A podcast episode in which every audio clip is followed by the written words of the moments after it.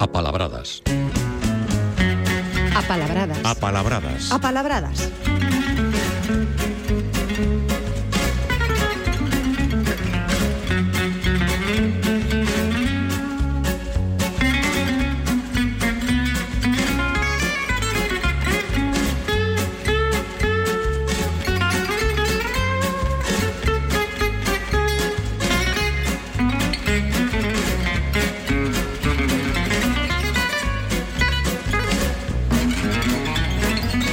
Marchan uns protagonistas, veñen outros, eh, as apalabradas veñen hoxe a visitarnos a Cidade da Cultura, que é o mesmo que dicir Paulino Novo, moi bons días. Encantado de estar aquí.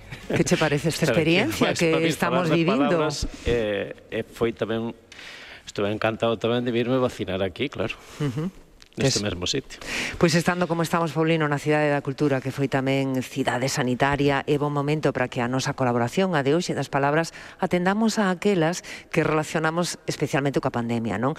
Algúnas, por certo, xa as fomos normalizando, aínda que podemos, por exemplo, seguir escoitando a COVID, o COVID ou COVID. Esa é máis complicada, eh, para min. Ou confundindo esta enfermidade con coronavirus. Sí, sí, é curioso, eh, é curioso como ainda non será asentado de todo. O, o acrónimo este escoitámoslo de todas maneiras, en, fe, en feminino, en masculino, COVID, COVID, bueno, hai todas as variantes. Menos COVID. sí, sí, sí. O correcto é o que recomendan é en feminino porque é unha enfermidade, non? Ainda que se trata dun acrónimo, eh?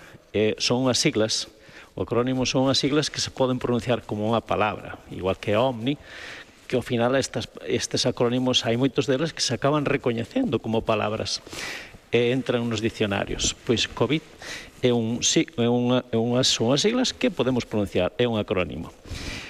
E, en principio recomendan feminino e, e COVID, non?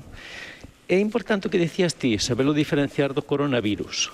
Hai casos, o coronavirus é o virus, e a COVID-19 é a enfermidade. Hai casos en que indistintamente que poñas un ou outro, porque ti podes decir que tes coronavirus ou que tes COVID-19, pero non podes decir que padeces coronavirus, padeces COVID-19. Eh? Eso hai que, hai que É unha diferencia que nos explicaron tamén moi ben ao principio, pero que non está de máis lembrala. Recordar, sí. Coronavirus que eh, nun principio incluso podemos escoitar coroavirus, porque efectivamente ten este nome porque é un virus que ten unha forma de coroa. E efectivamente podías optar por coroavirus ou por coronavirus. Nestes casos, o que pides á lingua é que sexa coherente e que funcione nesa creación de palabras sempre da mesma maneira. Entón, sempre se vai para unha palabra nova, vaise sempre ao latín. Por exemplo, temos mariño, pero pa, temos submarino. Temos galiña, pero temos galinácea. Eh, ou temos menciña, pero temos medicina. Para as, para as palabras de creación nova vaise o latín. Entón, o correcto é que sexa coronavirus. É a opción que lle correspondía por ser coherente na creación de, destas palabras. Eh, para rematar xa COVID, que ás veces para escribir lle poñemos cando lle poñemos un prefixo eh, pre-Covid ou anti-Covid, eh?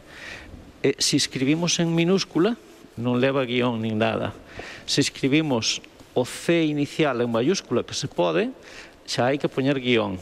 E se poñemos a outra opción, porque se pode escribir das tres, das tres maneiras, todo en mayúscula, como se fose unha sigla, entendendo como sigla, tamén hai que poñer guión. Pero se poñemos en minúscula, sen guión. Mira canto aprendemos, eh, oxalá non teñamos que nin escribir nun futuro, moito me temo que non vai ser así, pero sobre a, a COVID, non?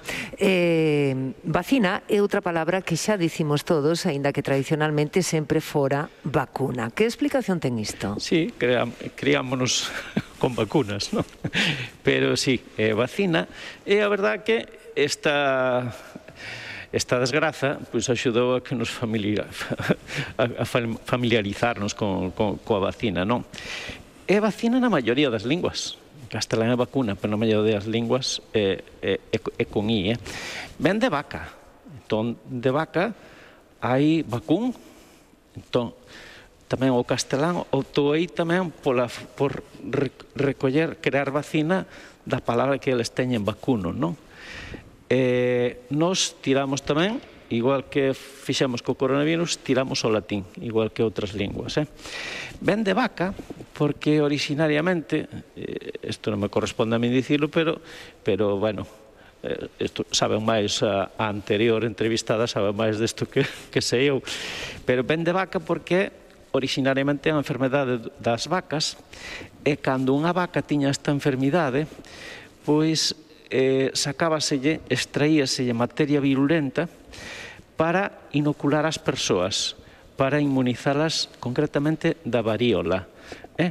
E logo generalizouse a calquera outra sustancia que se inxectara ás persoas ou animais para inmunizalos fronte a unha, a unha infección.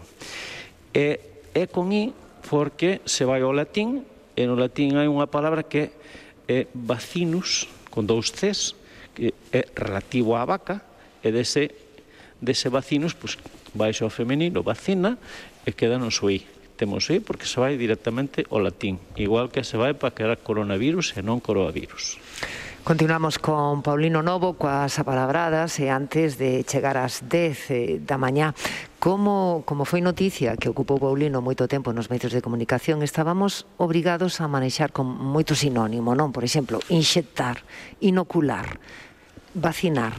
E tamén para a pandemia, epidemia, andazo, valen estas teñen matices? Creo que desto xa falaremos algo algunha vez. Todas elas, todas, todas elas nos poden valer. Concretamente, pandemia e epidemia veñen sendo o mesmo. A segunda parte desas dúas palabras, demia, créase do, de, de demos, do grego. Demos en grego é povo. Eh? Entón, tanto pandemia como demia, está aí a palabra dem, demos povo.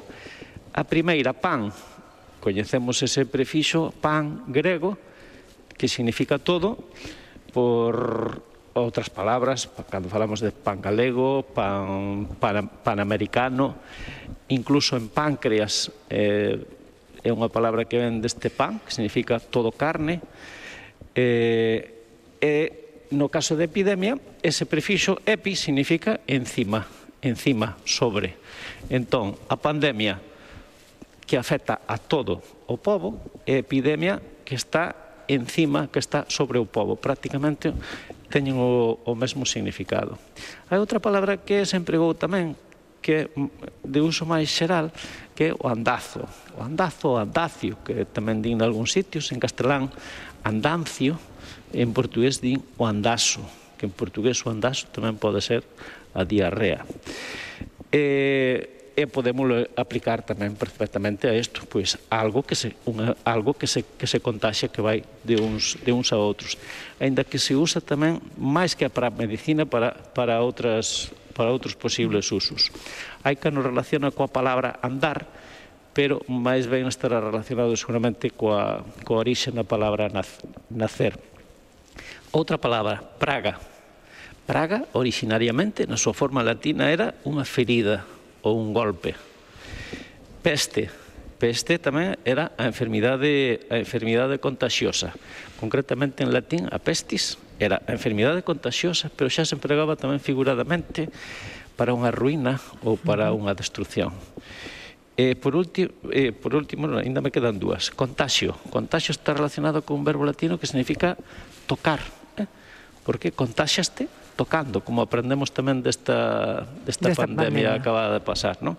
E por último, xa unha palabra moi, moi galega e que non nos valería para o caso do, do, da COVID-19 sino para unha enfermedade contagiosa de pel, que é a peleirada, unha palabra nosa galega, peleirada, unha enfermidade leve contagiosa, pero propiamente que afecta a pel, porque deriva de pel, peleirada é de pel, eh? uh -huh. pero podría, por extensión, aplicarse a, a calquera outra enfermidade leve e contagiosa.